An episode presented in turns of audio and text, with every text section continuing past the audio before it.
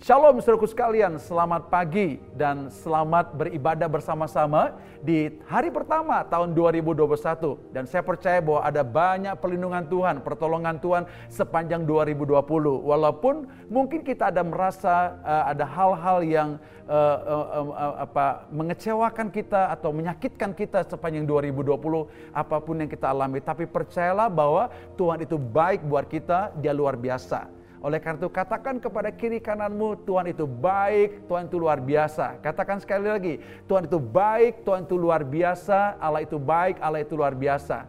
Dan saya percaya bahwa masuk 2021 ini kita akan mengalami yang lebih lagi, yang lebih dahsyat lagi, yang Tuhan tidak simpan-simpan buat kita, tapi kita akan mengalami mukjizat Allah yang sangat-sangat luar biasa. Dan memasuki tahun 2021, kita punya tema seru sekalian, membangun rumah kasih sebagai ke, sebagai kediaman bangsa-bangsa. Sepanjang 2021, kita akan bersama-sama seluruh jemaat Tuhan baik di kota Bandung, di, di, di Bandung Pusat, di area pengembangan, bahkan, bahkan di seluruh Indonesia, kita bersama-sama bersahati untuk membangun keluarga kasih, di mana keluarga kasih ini sebagai sebagai tempat kediaman bangsa-bangsa. Ini penting kita pahami. Karena di luar Kristus kita tidak bisa berbuat apa-apa. Di luar Kristus ada banyak hal yang kita tidak bisa tanggulangi suku sekalian. Dan bangsa-bangsa butuh pertolongan. Dan pertolongan mereka ketika mereka datang ke rumah Tuhan. Nah, beberapa waktu yang lalu saya sudah sampaikan bahwa di dalam kasih tidak ada ketakutan. Mari kita bangun rumah kasih. Ketika kita bangun rumah kasih, maka ketakutan lenyap. Ketika ketakutan lenyap, bangsa-bangsa yang dalam ketakutan akan datang ke rumah Tuhan karena mereka melihat ada sejahtera, ada sukacita rumah Tuhan. Nah, satu firman Tuhan sekalian sekalian dari Efesus pasal yang kedua, ayat ya uh, ayat yang ke uh, uh, 19 terus sekalian. Saya bacakan buat uh, setiap jemaat Tuhan di mana pun saudara berada. Atau poin yang kedua bisa saja bahwa kita baca kita bersama-sama kita baca. Ayat 19 daripada Efesus pasal kedua. Demikianlah kamu bukan lagi orang asing dan pendatang. Melainkan kawan sewarga dari anggota-anggota kudus dan anggota-anggota keluarga Allah. Paulus katakan Rasul Paulus mengatakan demikian, kamu itu bukan orang asing dan pendatang, melainkan kawan sewarga dari kawan sewarga dari orang-orang kudus dan anggota keluarga Allah. Nah, di dalam Kristus semuanya kita seluruh sekalian, warna kulit apa pun, seluruh sekalian, hobinya apa pun, pendidikannya apa pun, tingkat sosial apa pun, seluruh sekalian, kita adalah keluarga Allah seluruh sekalian. Betul-betul keluarga Allah. Dan kita bukan orang asing tetapi kita bukan orang pendatang tetapi kita kawan sewarga dari kerajaan Allah dan kita adalah keluarga Allah yang diikat dengan tali kasih yang luar biasa. Nah kenapa Paulus katakan demikian? Itu semata-mata karena perbuatan Yesus terus sekalian. Nah satu firman Tuhan saya kebacakan apa yang terjadi sebelumnya. Dalam Efesus pasal yang kedua ayat yang ke-11 sampai ayat yang ke-18. Dipersatukan dalam Kristus karena itu ingatlah bahwa dahulu kamu sebagai orang-orang bukan Yahudi menurut daging yang disebut orang-orang tak bersunat dan mereka oleh mereka yang menamakan dirinya sunat yaitu sunat lahiriah yang dikerjakan oleh tangan manusia. Bahwa waktu itu kamu tanpa Kristus tidak termasuk keluargaan Israel dan tidak mendapat bagian dalam ketentuan-ketentuan yang dijanjikan tanpa pengharapan dan tanpa Allah di dalam dunia. Tetapi sekarang di dalam Kristus kamu yang dahulu jauh sudah menjadi dekat oleh darah Kristus. Karena dialah damai sejahtera kita yang telah mempersatukan kedua belah pihak dan yang telah merobohkan tembok pemisah yaitu perseteruan. Sebab dengan matinya sebagai manusia ia membatalkan hukum Taurat dengan segala perintah dan ketentuannya. Untuk menciptakan keduanya menjadi satu manusia baru di dalam dirinya dan dengan itu mengadakan damai sejahtera dan untuk memperdamaikan keduanya di dalam satu tubuh dengan Allah oleh salib dan dengan melenyapkan perseteruan pada salib itu.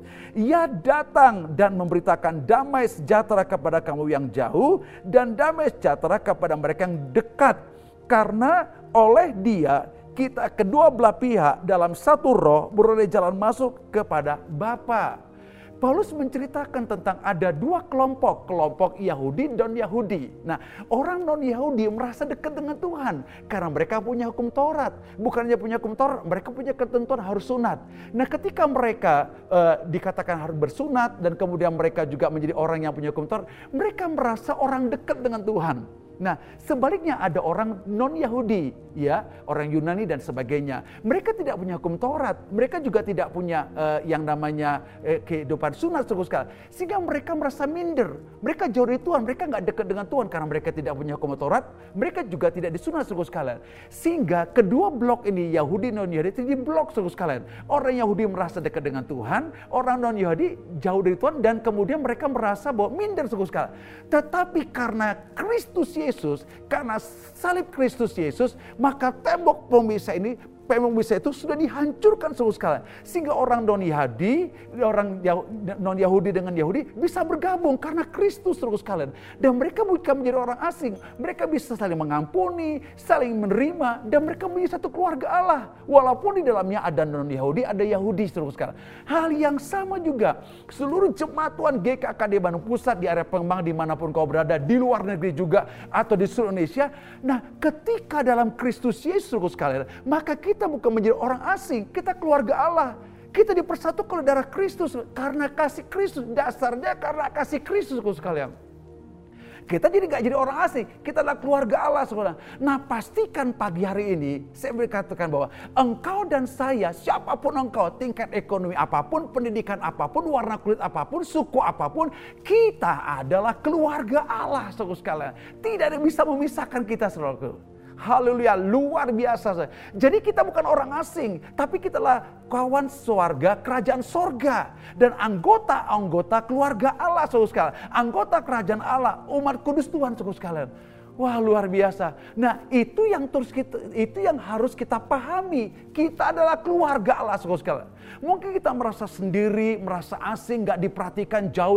Tapi pastikan hari ini saya mau kasih tahu kepada seluruh jemaat di mana kau, kau berada. Kita adalah keluarga Allah. Dan ketika kita masuk dalam keluarga Allah, bukan karena kita masuk dan mau masuk dalam keluarga itu. Semata-mata karena kita percaya kepada Kristus. Kita dihisapkan oleh Kristus sebagai keluarga. Yaitu itu keluarga Allah bukan keluarga keluarga manusia di bumi ini tapi keluarga Allah. Keren, luar biasa.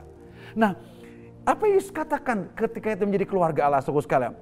Dia tidak hanya katakan bahwa kita keluarga Allah, tapi dia katakan ayat yang ke-20. Maaf, ayat 21. Di dalam dia tumbuh seluruh bangunan rapi tersusun menjadi bait Allah yang kudus di dalam Tuhan. Dikatakan di dalam Kristus di dalam Yesus dikatakan, tumbuh seluruh bangunan rapi tersusun menjadi bait Allah yang kudus di dalam Tuhan. Dia bukan hanya katakan bahwa kita keluarga Allah, tapi dikatakan kita sebagai bangunan, bangunan rumah, sekalian, bangunan rumah, sekalian, yang rapi tersusun menjadi bait Allah di dalam Tuhan. Kita adalah rumah Tuhan, jadi keluarga Allah keluarga Allah yang bukannya keluarga tapi rumah. Rumah kasih terus kala. Kenapa dalam rumah kasih? Karena keeratan kita satu dengan yang lain bukan karena warna kulit. Bukan hanya tujuan sama, bukannya visi sama, tapi kita dipersatukan oleh Kristus, dipersatukan dengan dasar kasih Kristus.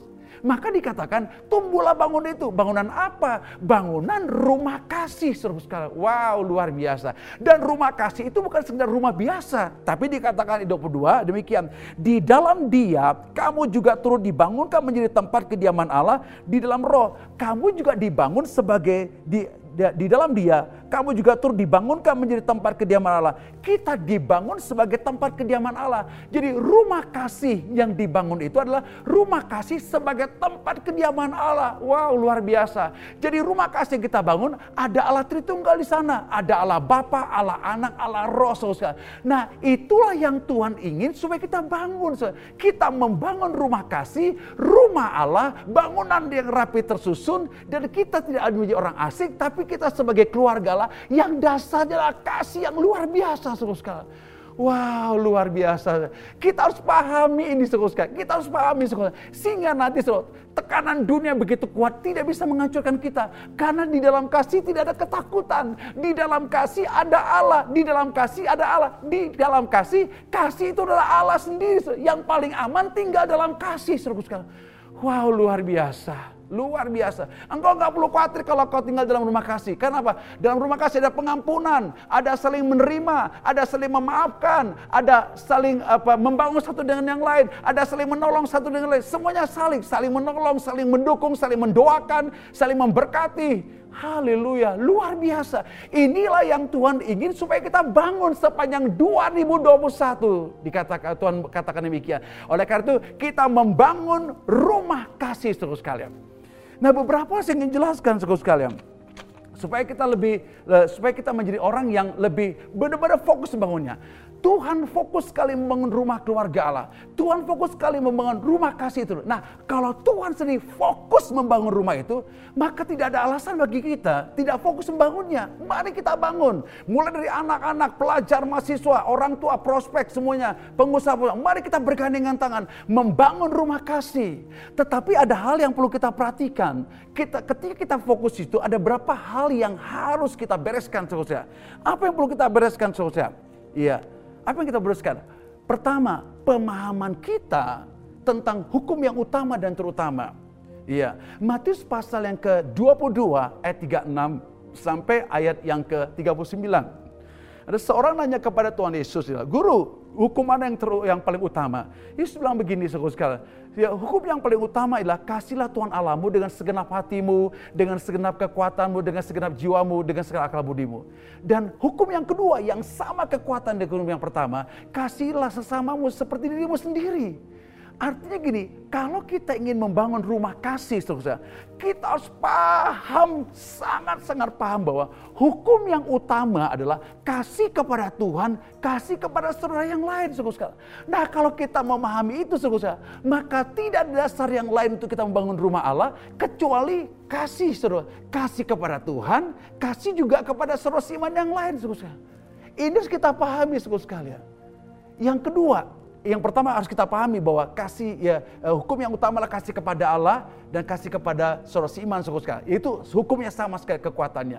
Jadi kita mengasihi Allah, mengasihi sama. Mengasihi Allah, mengasihi sama saudara. Enggak bisa begini. Saya mengasihi Allah tapi saya nggak bisa mengasihi sama. Enggak bisa saudara. Kalau kita mengasihi Allah, pasti kita mengasihi sama. Otomatis saudara. Dan ini yang kita harus pahami saudara. Nah ketika kita hidup di dalam kasih ini saudara, maka apa yang terjadi? Akan terjadi poin yang kedua. Di poin yang kedua, kita bukan hanya bicara mengasihi Allah, kita juga tidak bicara hanya uh, uh, mengasihi saudara siman, uh, orang lain, tapi kita betul-betul tinggal di dalam kasih itu dan hidup dalam kasih itu dan menampakkan kasih itu sekali. Sehingga uh, coba kita lihat dari 1 Korintus 13 ayat 13. Dia katakan demikian, ya. Kita harus hidup di dalam kasih karena hal itu yang terbesar sekarang. 1 eh, Korintus 13 ayat 13. Demikianlah tinggal ketiga hal ini, yaitu iman, pengharapan, dan kasih. Dan yang paling besar di antaranya adalah kasih. Jadi kita belajar tentang iman, ada pengharapan, ada kasih. Tapi yang paling besar kasih. Kenapa? Karena kasih itu bicara soal Allah sendiri. Makanya di ayat 1 dia tegaskan. Dia tegas sekali. Paulus mengajak kepada jemaat yang ada di Korintus. Saya bacakan. 1 Korintus 13 ayat pertama sampai ayat 3. Sekalipun aku dapat berkata-kata dengan semua bahasa manusia dan bahasa malaikat, tapi jika aku tidak mempunyai kasih, aku sama aku sama dengan gong yang berkumandang dan canang gemerincing. Ayat 2. Sekalipun aku mempunyai karunia untuk bernubuat dan aku mengetahui rasa mengetahui segala rahasia dan memiliki seluruh pengetahuan dan sekalipun aku memiliki iman yang sempurna untuk memindahkan gunung, tapi jika aku tidak mempunyai kasih, aku sama sekali tidak berguna. Ayat 30, ayat 3. Dan sekalipun aku membagi-bagikan segala sesuatu yang ada padaku, bahkan menyerahkan tubuhku untuk dibakar, tetapi jika aku tidak mempunyai kasih, sedikit pun tidak ada faedahnya bagiku. Kalaupun saya punya bahasa malaikat, punya karunia yang luar biasa, saya mau mati saya dengan menjadi korban uh, uh, uh, karena Kristus. Tapi kalau tidak dalam kasih, tidak punya kasih, nggak ada gunanya. Berarti penting kasih ini seru sekali, sangat penting. Oleh karena itu, saya katakan poin kedua, ketika kita membangun dan fokus membangun rumah kasih, kita harus betul-betul hidup senantiasa di dalam kasih saudara sekalian. Kenapa? Karena dalam perjalanan dalam gereja bisa ada gesekan-gesekan, ada salah paham, ada uh, uh, uh, beropini yang nggak betul, berpikiran negatif. Karena kita berkecimpung dalam keluarga Allah, dalam gereja Tuhan, ya di mana pun kita berada, ada gesekan demi gesekan. Nah, ketika gesekan demi gesekan ada, itu menjadi ujian untuk kasih yang kita miliki, maka kita tidak dialihkan daripada hal yang mengasihi satu dengan yang lain, walaupun ada gesekan terus kalian. Nah banyak orang jadi terluka, sakit hati, kecewa. Kenapa mereka luka, sakit kecewa? Karena mereka adalah orang-orang yang tidak senantiasa tinggal dalam kasih. Makanya di ayat 4 dikatakan sebagai praktek kasih.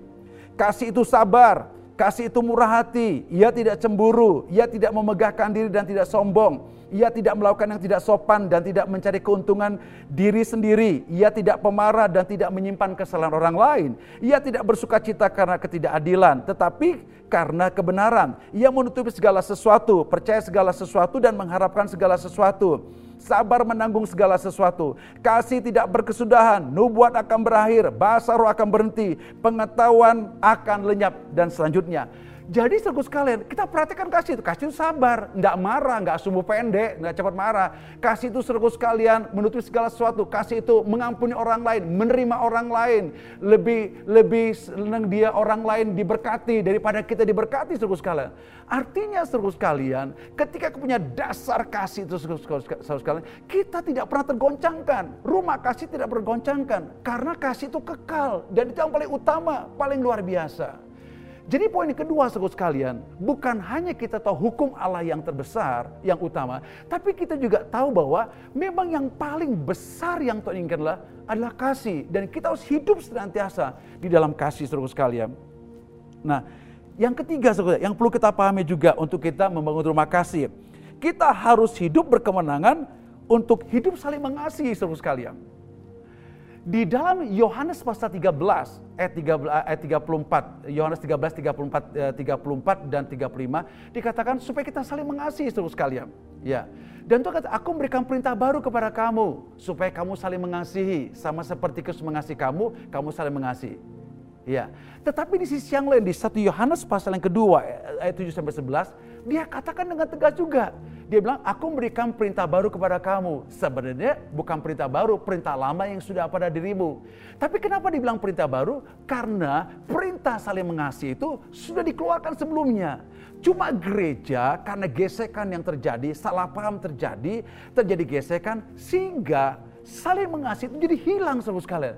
Tuhan ingatkan kembali, aku memberikan perintah baru kepada kamu. Sebenarnya nggak perintah baru, perintah lama. Cuma perintah lama itu setelah sejak aku berikan kepada engkau, kamu selalu gagal, kamu selalu bermasalah. Maka dikatakan, aku memberikan perintah baru kepada kamu supaya kamu saling mengasihi. Dan intinya dalamnya adalah saling mengasihi adalah menerima suruh iman, mengasihi suruh iman, menolong suruh iman, dan tidak membenci suruh iman.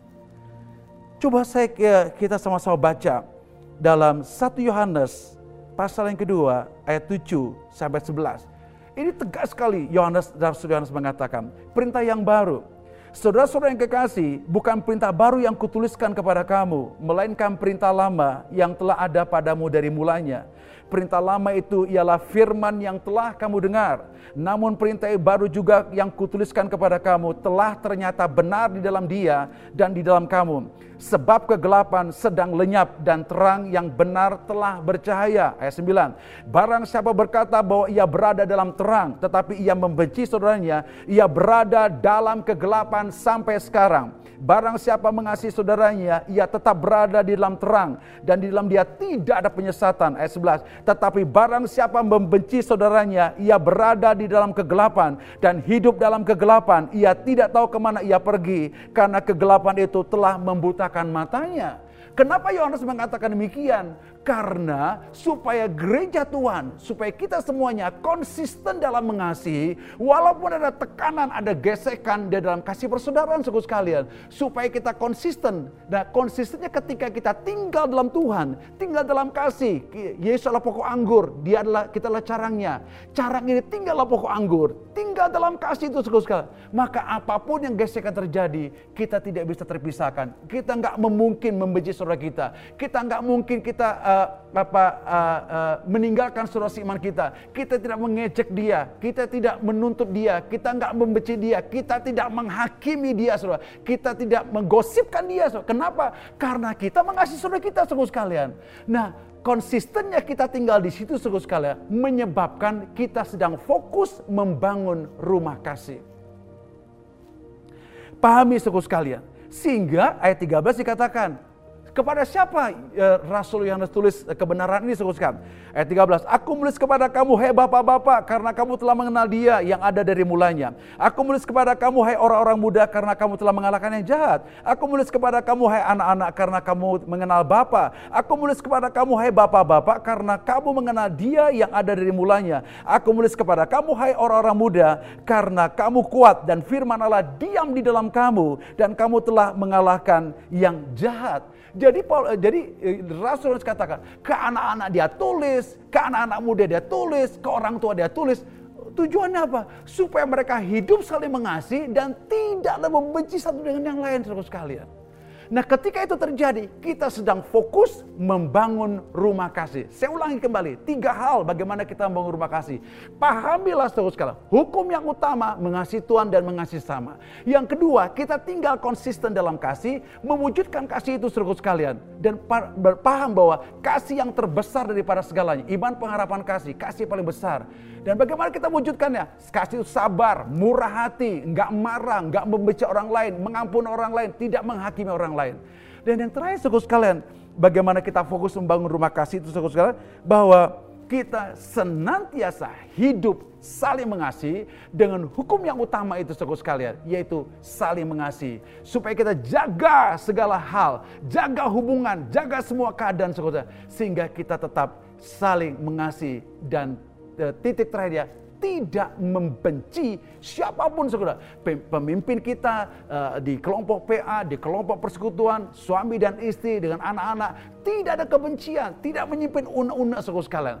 Saya rindu sekali mau masuk ke tahun yang baru ini, saudara. Kita dengan hati yang lapang, hati yang merdeka, pikiran yang merdeka, perasaan merdeka. Tidak ada menyimpan kesalahan, tidak menyimpan kebencian kepada saudara Siman, kepada orang-orang lain, saudara Tujuannya siapa, saudara? Karena Allah sedang menantikan gereja Tuhan bersinar.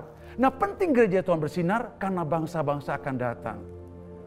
Nah di kata-kata terakhir daripada tema kita 2021, yang pertama dikatakan membangun membangun rumah kasih sebagai tempat kediaman bangsa-bangsa. Ternyata rumah kasih yang dibangun itu sekali sebagai tempat kediaman bangsa-bangsa. Wow, luar biasa. Jadi ketika di, di ibadah kita di mana pun, di ada ada persekutuan, ada kelompok pemuridan, ya, terus kemudian tempat ibadah di wilayah-wilayah di seluruh eh, Indonesia, di kota-kota lain, maka ketika rumah kasih dibangun, saling mengasihi, saling menerima satu dengan lain, apa yang terjadi sekalian?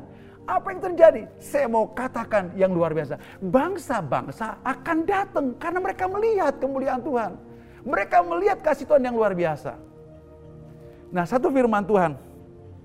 Mari kita baca dalam dalam Yesaya Yesaya 60 ya, ayat yang pertama saya baca sampai ayat yang ketiga. Bangkitlah kemuliaan Sion yang akan datang. Bangkitlah menjadi teranglah, sebab terangmu datang dan kemuliaan Tuhan terbit atasmu.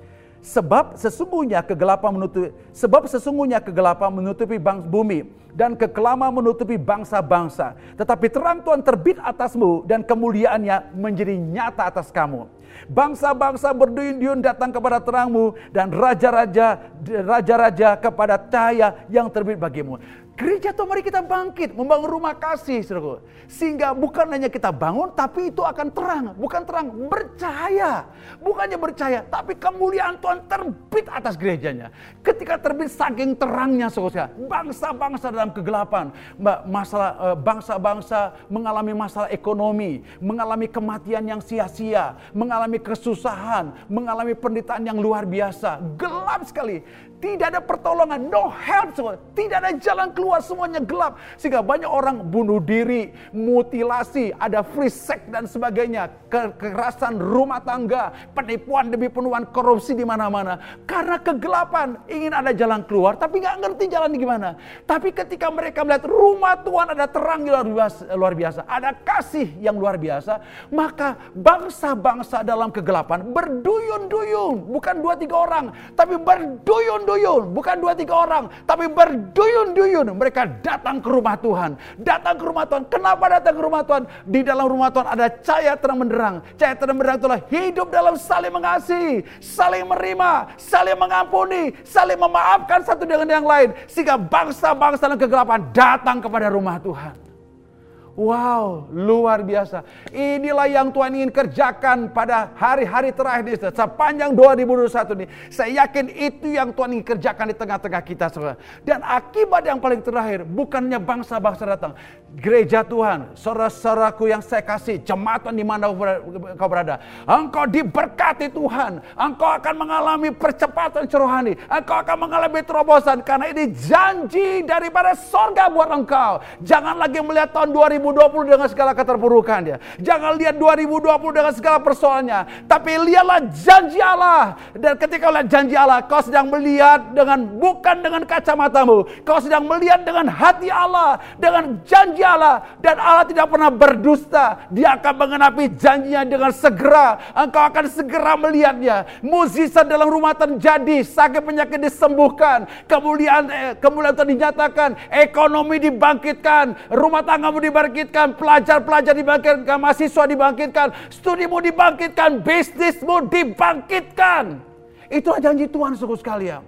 Nah, satu firman Tuhan, betul uh, ini menjadi janji yang akan digenapi oleh Tuhan. Mari kita kita lihat suku sekalian.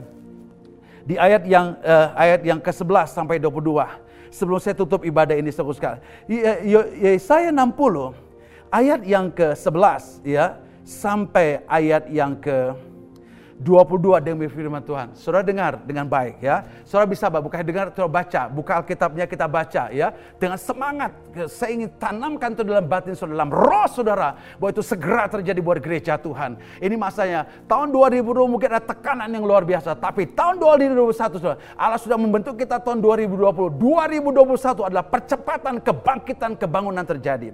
Eh 11. Dia katakan, pintu-pintu gerbangmu akan terbuka senantiasa, baik siang maupun malam, tidak akan tertutup supaya orang dapat membawa kekayaan bangsa-bangsa kepadamu sedang raja-raja mereka ikut digiring sebagai tawanan. Wow, luar biasa pintu gerbang rumahmu, pintu gerbang daripada gereja Tuhan tidak tertutup siang dan malam sekali. Akan ada harta bangsa-bangsa datang ke rumah Tuhan. Engkau bukan pengemis, tetapi engkau adalah anak kesukaan daripada Tuhan, anak yang berkenan di hadapan Tuhan. Dan ketika kau berkenan kepada Tuhan, apa yang menjadi milik Tuhan, apa yang Tuhan sediakan itu bagian engkau. Jika dikatakan pintu gerbang rumahmu tidak tertutup, terbuka siang dan malam, harta bangsa-bangsa akan datang saudara. Kau akan melihat muzizat ekonomi, muzizat ekonomi yang luar biasa yang belum pernah kau alami terjadi sepanjang 2021. Ayat 12, Sungguh bangsa dan kerajaan yang tidak mau mengabdi kepadamu akan lenyap. Bangsa-bangsa itu akan dirusak binasakan. Dia katakan orang-orang yang tidak masuk dalam kerinduan Tuhan dalam hidup melalui hidupmu.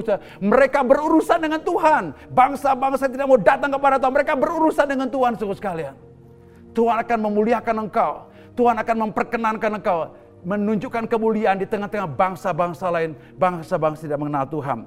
Ayat 13, kemuliaan Libanon yaitu pohon sanobar, pohon berangan dan pohon cemara akan dibawa bersama-sama kepadamu untuk mempersemarak tempat baik kudusmu sebab sebab aku tidak memuliakan tempat kaki berja. Tuhan akan mempermuliakan gerejanya. Gereja yang adalah rumah kasih, gereja adalah tempat kediaman Allah dalam roh, gereja adalah bangunan Allah tempat kediaman Allah akan dipermuliakan dengan harta bangsa-bangsa. Wow. Sehingga dikatakan dengan bahwa kemuliaan gereja Tuhan, kemuliaan rumah kasih itu jauh lebih dahsyat daripada sebelumnya. Tangkap itu dalam rohmu saudara. Janji Allah akan digenapi dalam hidupmu sepanjang 2001 dan tahun-tahun selanjutnya. Ayat 14, anak-anak orang yang menindas engkau akan datang kepadamu dan tunduk dan semua orang yang menista engkau akan sujud menyembah telapak kakimu. Mereka akan menyebutkan engkau kota Tuhan, Sion milik yang maha kudus Allah Israel. Orang-orang di luar mereka akan merasakan engkau Sion tempat kehadiran Tuhan. Sion milik Tuhan, ada Tuhan di tengah-tengah kita, ada kemuliaan di tengah-tengah kita, ada kemuliaan Tuhan di tengah-tengah kita.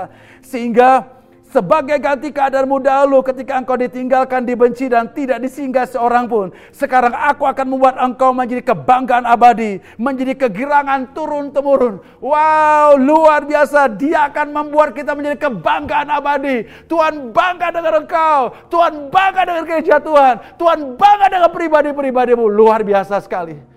Wow luar biasa. Ayat 16. Engkau akan menghisap susu bangsa-bangsa dan akan meminum susu kerajaan. Maka engkau akan mengetahui bahwa akulah Tuhan juru selamatmu dan penebusmu yang maha, yang maha kudus. Allah Yakub. Wah. Saya udah nggak bisa ngomong lagi terus sekali. Dahsyat Tuhan kita.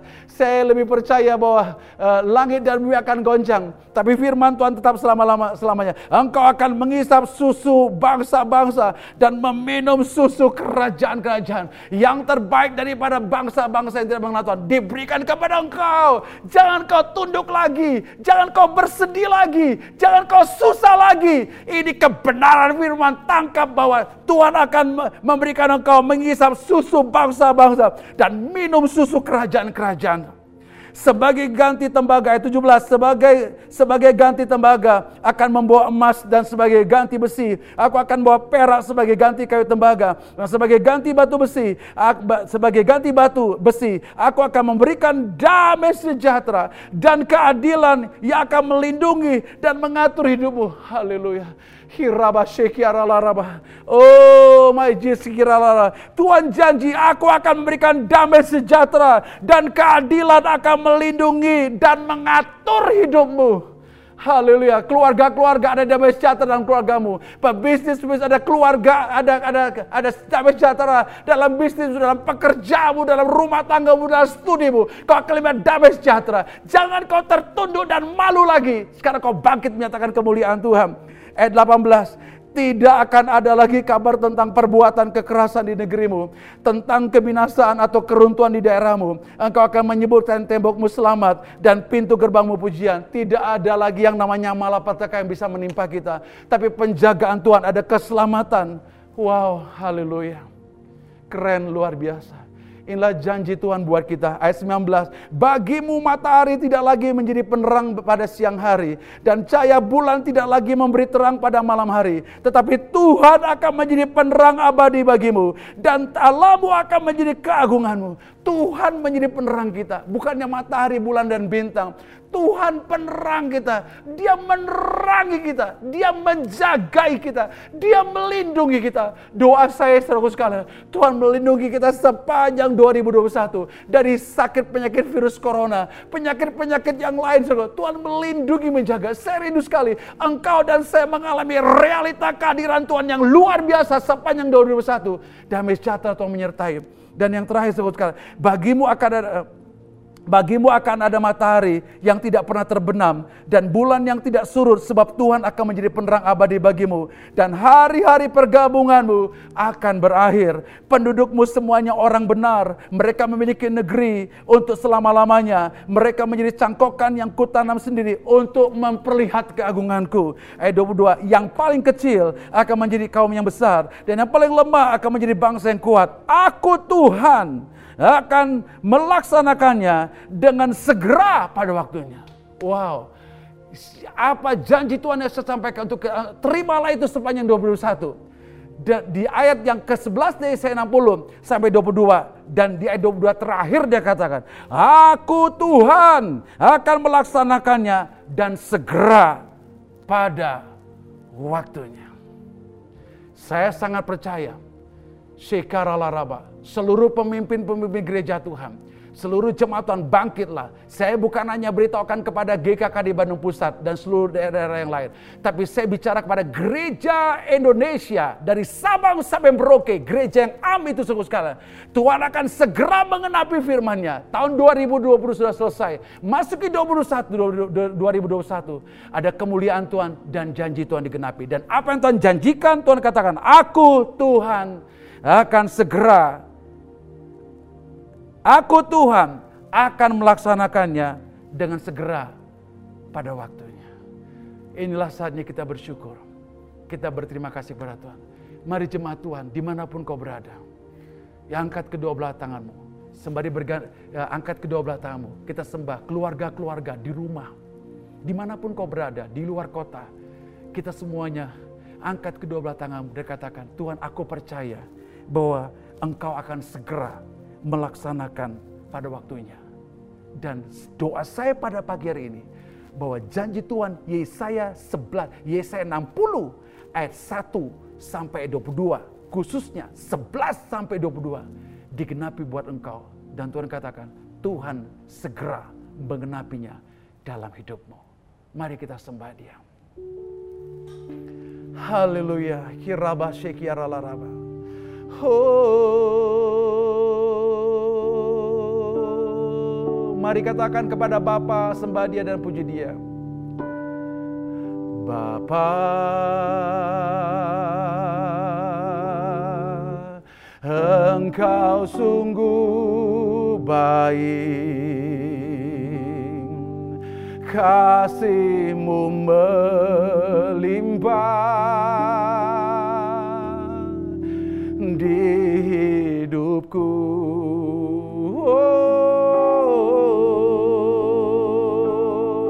Bapa Ku berterima kasih Berkatmu hari ini yang kau sediakan bagiku Mari kita naikkan syukur kita kepada Bapa. Ku naikkan syukurku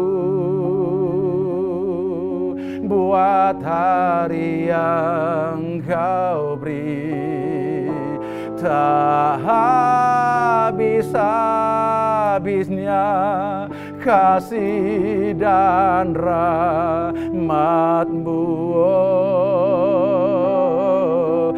selalu baru dan tak pernah terlambat pertolonganmu besar setiamu di sepanjang hidupku. ku naikkan syukurku padamu Tuhan.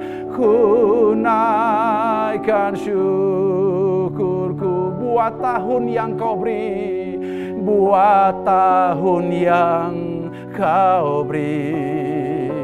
Tak habis-habisnya kasih dan rahmatmu selalu baru dan tak pernah terlambat pertolonganmu besar setiamu di sepanjang hidupku. Sekali lagi lebih sungguh-sungguh lagi kita katakan pada Bapa haleluya haleluya naikkan syukurku buat tahun yang kau beri.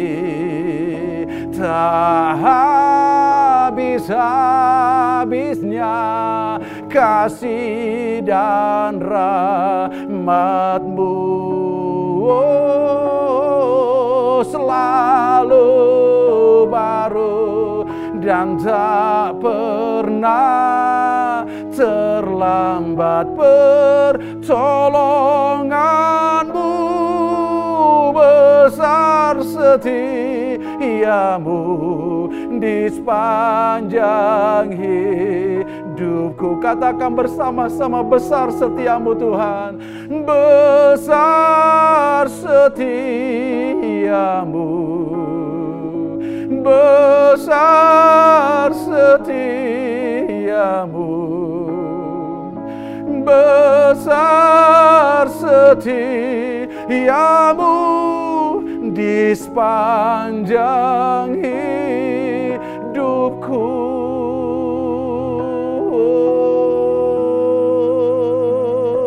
Kita sembah dia. Mari kita ucapkan syukur kepada dia untuk tahun 2021. Kita tinggalkan 2020. Memasuki tahun 2021. Penyertaan Tuhan. Janji-janji Tuhan digenapi. Dia katakan aku Tuhan segera akan melaksanakan janji-janjiku. Tidak akan tertunda. Tidak akan berlambat-lambat. Mari kita sembah dia. Hiara larabo.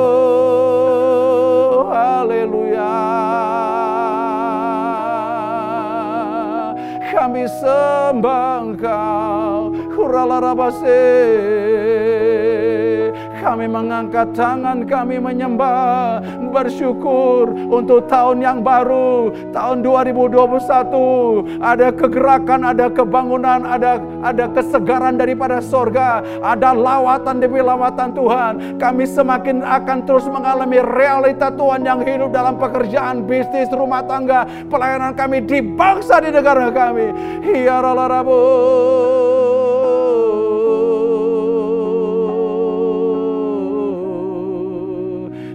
kasih Tuhan.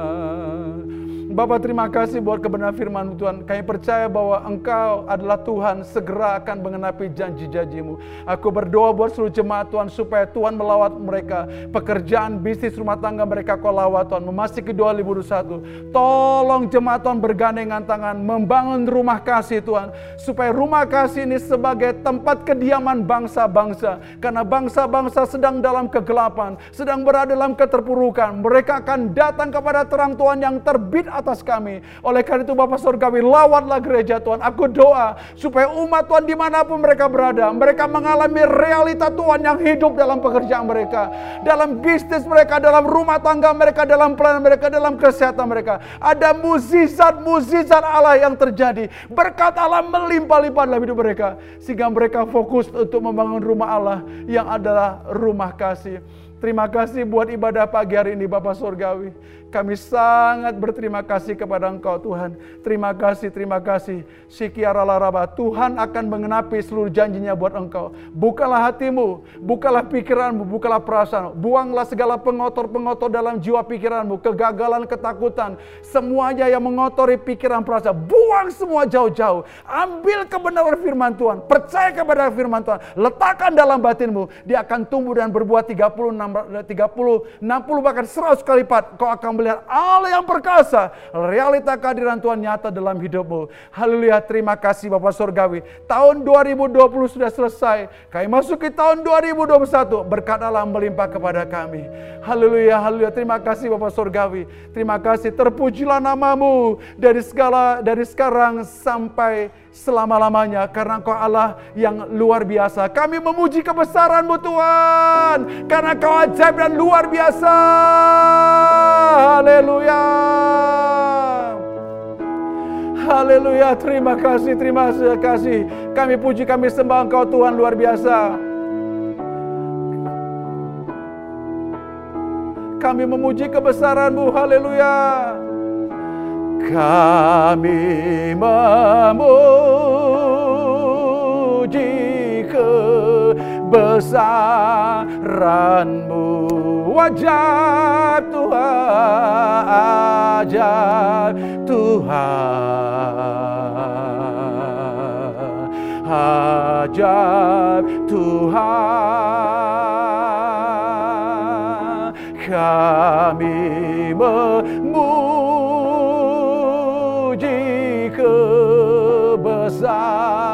kebesaranmu ajaib Tuhan ajaib Tuhan. Ajaib Tuhan kami memuji kebesaranmu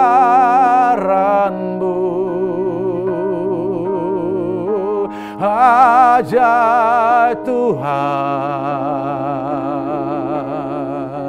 Ajaib Tuhan. Kami memuji kebesaranmu.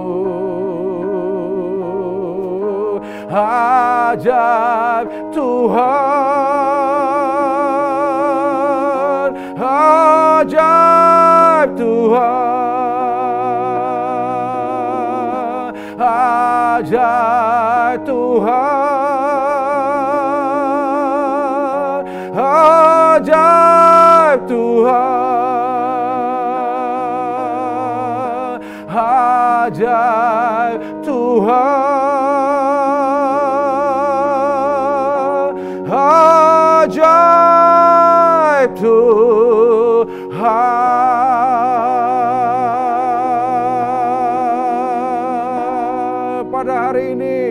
ketika kau mendengarkan firman Tuhan dan melakukannya dengan setia, Tuhan akan mengangkat kau di atas segala bangsa di seluruh muka bumi. Di mana pun kau berada di kota, di desa, Tuhan memberkati engkau. Tuhan memandangkan, menyinari engkau dengan wajahnya. Kasih karunia melimpah-limpah atas engkau. Dibuatnya kau berhasil sepanjang 2021. Mukjizat eh, tahun yang baru, eh, musim yang baru, kegerakan yang baru, realita kehadiran Tuhan yang baru, kau akan alami sepanjang tahun 2020. Berkat Allah melimpah, engkau menjadi orang-orang yang membangun rumah kasih, rumah kehadiran Tuhan, bait Allah. Dan akhirnya bangsa-bangsa akan datang kepada engkau, datang ke rumah Tuhan. Tuhan berkenan atas rumahnya, Tuhan berkenan atas engkau. Dan persekutuan dengan roh kudus yang sangat intim, yang manis, mesra sekali. Itulah yang menyertai engkau dari sekarang sampai selama-lamanya. Haleluya,